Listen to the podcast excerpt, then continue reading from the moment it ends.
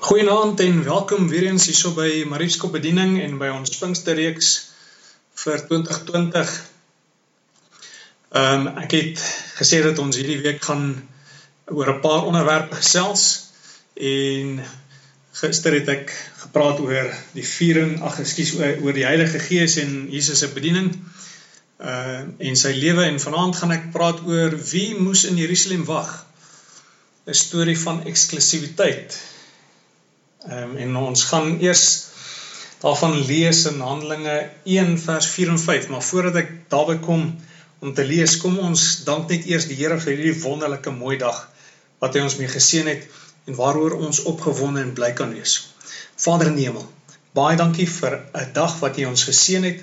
Dankie dat ons weet dat U was saam met ons in hierdie dag en U sal um, in hierdie dag wees meer as wat ons ooit sal kan besef dat U is by ons. Dankie dat Here U goedheid en die guns en die genade by ons is, maar dankie ook dat U deur die Gees ook vanaand met ons wil gesels.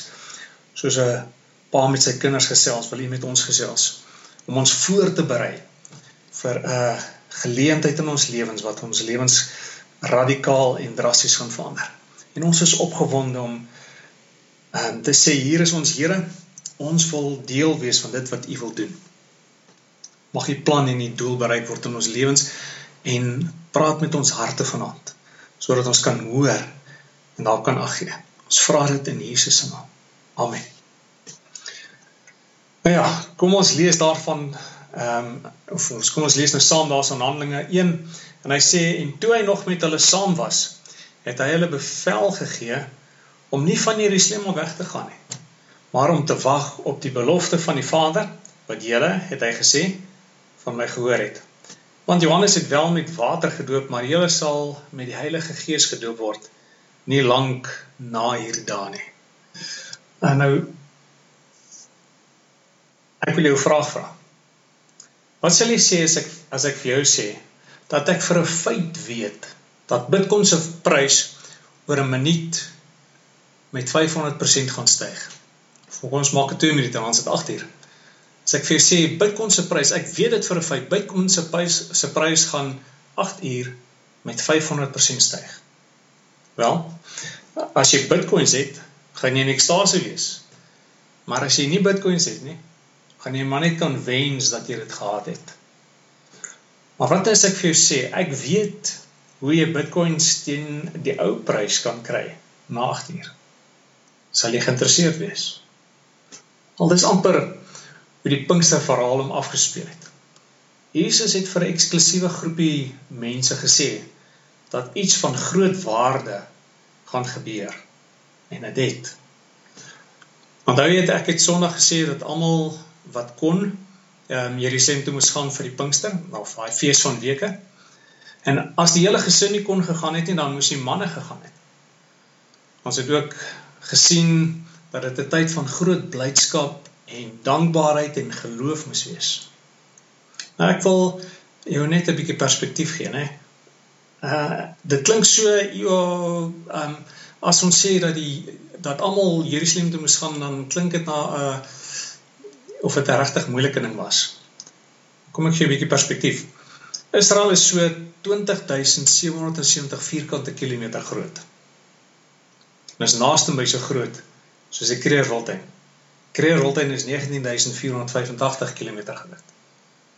So as ek nou dink ek bly in die Kreer Roltuin en ek moet vir een dag na die middel van die Wildtuin toe gaan. Maak nie saak waar ek is nie. Dan dink ek is nie heeltemal so onmoontlike taak om dit te kon gedoen het nie. Nou ek het die vraag gevra. Hoekom moes die Heilige Gees op Pinksterdag uitgestort geword het? Wel nou weet ons hoekom. Dit was die tyd waar die meeste hoeveelheid Jode nie alleen van Israel nie, maar ook van die hele wêreld in Israel sal wees en ook ontvanklik sou wees vir die voordeel van wat die evangelie vir hulle sal inhou. Ons lees daar in Handelinge 2 vers 5 en 11. Hy sê en daar het in Jerusalem Jode gewoon, godsdienstige manne uit elke nasie wat onder die hemel is. En dan vers 11 sê hy ons hoor hulle in ons eie taal oor die groot dade van God spreek. So die Heilige Gees word uitgestort op Pinksterdag op 'n groepie mense, 120 in die boefretrek. En Jode van oor die reg reg oor die hele wêreld sê, ons hoor hoe hierdie mense in ons eie taal hierdie goeie dinge van God ehm um, oor hierdie goeie dinge van God praat. En dit was God se briljante plan om die evangelie die hele wêreld in te stuur. Maar God gebruik mense. Jesus se liggaam om die werk te doen, hè? Het jy al ooit van multilevel marketing gehoor? Nou vir party mag hierdie dalk 'n uh, 'n krapperigheid wees. Maar kom ek sê wat multilevel marketing is. Dit is amper ehm um, as 'n mens kan dit verduidelik, dan wil ek dit sê dit is iets soos wanneer 'n mens deel word van 'n maatskappy en dan daardie maatskappy se produk op hulle eie uh, op jou eie onkoste en is iemand wat deel word van die maatskappy ehm um, bemark dan daardie maatskappy se produk op hulle eie, eie onkoste maar dan deel hulle ook in die maatskappy se winste. Nou Pinkster was God se manier om mense te bekwam, nê. Nee, hulle as bemarkers aan te stel. Sodat hulle hulle storie van dit wat God in hulle gedoen het, net dis die produk, nê, nee, God se liefde en goedheid, dat hulle dit kon gaan vertel het. Maar vertel is mos niks anders as bemark nie. En dat die mense kan vra, wat moet ek doen, broeders? Nee, soos dat die Jode gevra het, wat moet ons doen, broeders? As hulle daai vraag vra, sê hulle eintlik, ons soek jou produk. Wat moet ek doen om daai produk van jou te kry? Sien, die Here kon nie die Heilige Gees op net enige iemand uitstort nie. Die Heilige Gees was op 120 disippels uitgestort. Manne en vroue wat in Jesus geglo het as hulle verlosser. En hulle was al reeds gelowig gewees. Hulle het al reeds die Heilige Gees gehad. Maar die Heilige Gees moes hulle bekwam maak en toerus met krag. Net soos wat Jesus toegerus was met krag om sy bediening te begin. Nou wat ek gister gesê het, hoe dat die Heilige Gees betrokke was in Jesus se bediening, hy hom toegerus het, hy hom bekwam gemaak het om om al daai dinge te gedoen het. En so moes hy dan dan ook hierdie klompie disippels bekwam maak. En hulle uitstuur sodat hulle as disippels kon voortsit dit wat Jesus op aarde kom doen het. Ons lees daarvan Handelinge 1 vers 8 sê maar julle sal krag ontvang wanneer die Heilige Gees oor julle kom. En julle sal my getuies wees in Jerusalem, sowel as in die hele Judea en Samaria en tot aan die uiterste van die aarde. Die mense wat tot bekering gekom het op grond van van ja ehm um, die uitstorting van die Heilige Gees op groepie disippels, né? Waar die mense was die eerstelinge van die oes van siele wat sou inkom.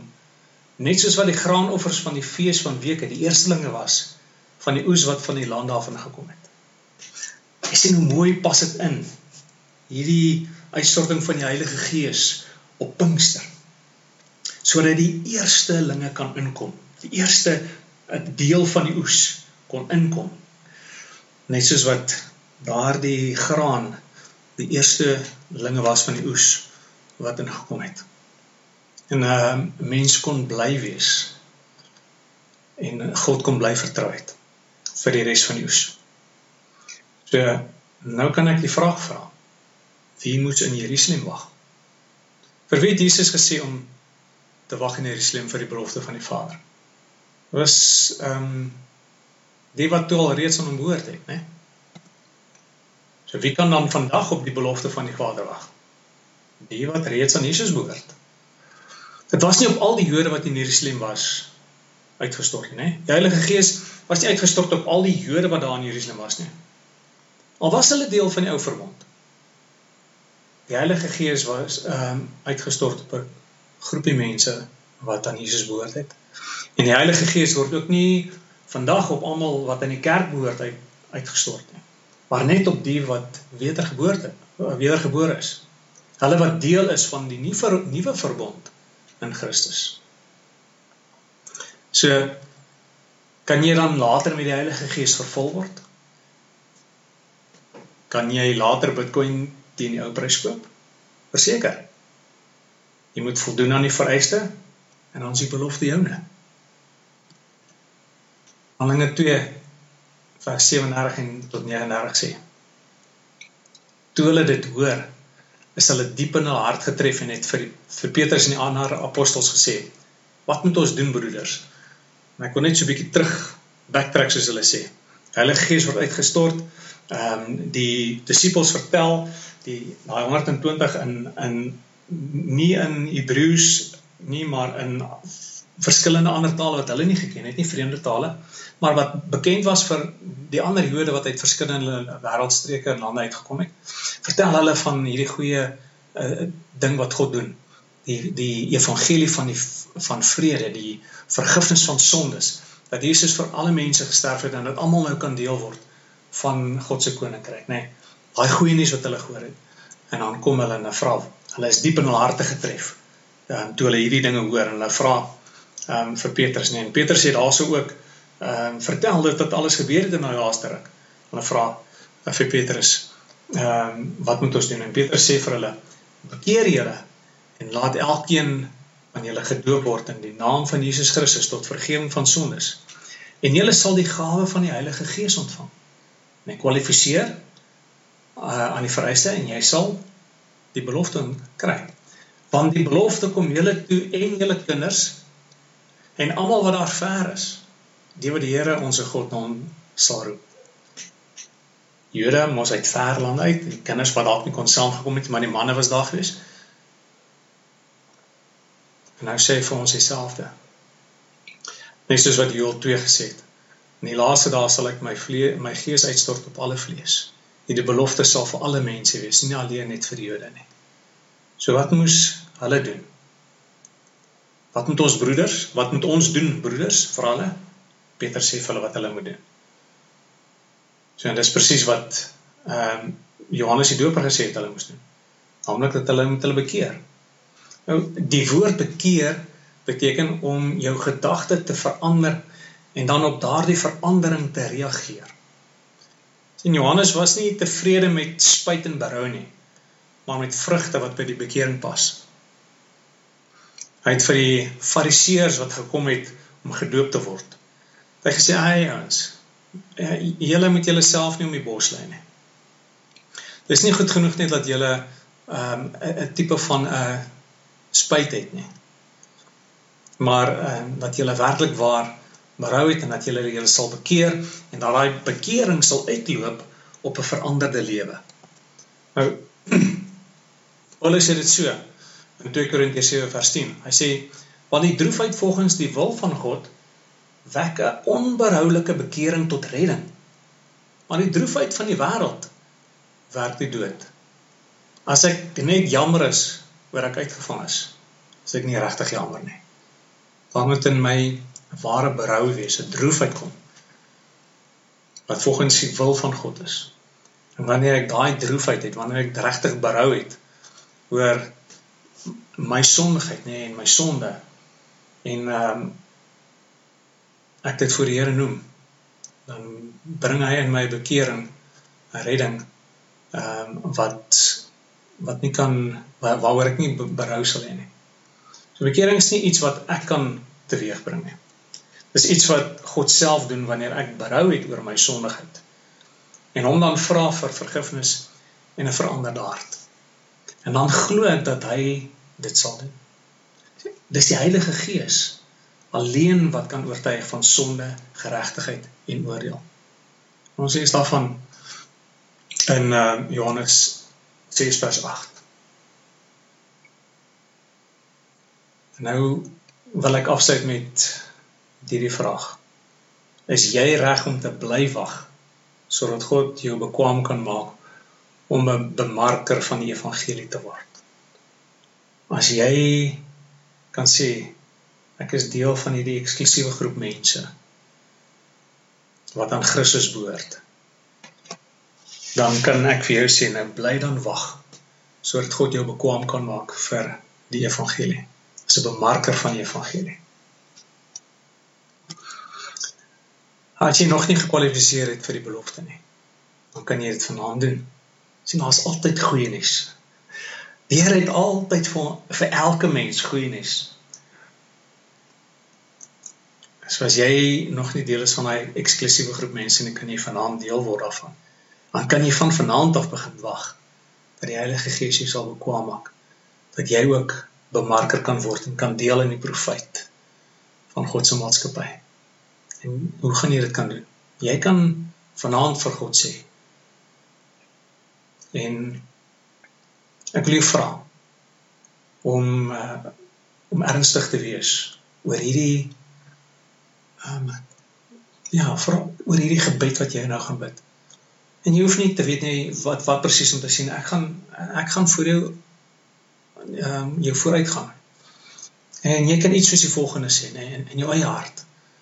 Kan jy sê Jesus, ek het my hele lewe lank gehoor dat U die seun van God is. Dat U gekruisig is en gesterf het vir mense se sondes. Dat U na 3 dae uit die dood opgestaan het en opgevaar het hemel toe dat die Heilige Gees nou hier in u plek op aarde is. Ek het al hierdie dinge al gehoor en ek glo dit. Maar ek is niks beter da daarom toe nie. Want Jakobus sê jy glo dat God een is, jy doen goed. Die duiwels glo dit ook en hulle sidder. Heilige Gees, ek vra U nou, kom wys my sonde vir my. Bring U oortuiging in my hart. Ek weet die mens dan met 'n verlosser nodig en daarom het ek 'n verlosser nodig. Kom verlos my nou van my sonde en maak my nuut. Vergewe my sodat ek vry kan wees. Was my in die bloed, Here Jesus. Was my in die bloed dat ek skoon en rein kan wees. Ek glo nou met my hele hart dat U my nog altyd ehm um, dat U dit nog altyd wou doen. Maar dat ek eers moes besef dat ek dit ook nodig het en daarvoor moes vra. Ek het nou gevra en in geloof sê ek nou dankie vir wedergeboorte. Dankie dat ek nou 'n nuwe mens is. Dankie dat ek nou aan U behoort en die reg het om 'n kind van God genoem te kan word. Dankie Here. Dankie Vader. Ek sê dit en ek bid dit in Jesus se naam. Amen. Nou as jy hierdie gebed gebid het en jy glo dit wat jy gesê het met jou heel hart op grond van dit wat die Heilige Gees kom doen het, dan sal jy nou in jou hart en in jou binneste weet. Die Heilige Gees sê dit hier in jou binneste vir jou. Niemand sal jy anders te kan oortuig nie. Hy sê nou vir jou jy behoort aan die Here. Prys die Here. Halleluja, né? Prys sy naam. En ek wil vir jou sê, daar is niks beters vir jou as om as jy hierdie gebed ge, ge, gesê het en gedoen het. En as die Here jou nuut gemaak het, is daar niks beters as om dit te gaan vertel nie. Jy word nou al klaar op grond van jou eie ervaring word jy 'n bemarker want al wat jy gaan doen is jy gaan jou storie deel met iemand anderste. En vir hulle te sê dis wat God vir my gedoen het. Wat 'n wonderlike voorreg. Nou ehm um, Die vraag en die besprekingspunt was wie moes in Jerusalem wag? Ons het gehoor dis hulle wat aan Christus behoort. Hulle moes wag. Hoekom? Sodat hy hulle bekwam kan maak om sy bemarkers te word, om sy getuies te word. Is jy gereed om verder te wag en die Here te vra, Here rus my toe met dit wat jy vir my in gedagte het. So gaan en uh berei jouself voor, gaan sonder jouself af uh, en wees reg. Wees reg om uit te kan gaan. Ehm um, en uh, bemarker vir die evangelie te wees en weet dat jy sal deel in die winste van die koninkryk van God. Amen. Al mag jy 'n wonderlike week hê en die Here seën jou.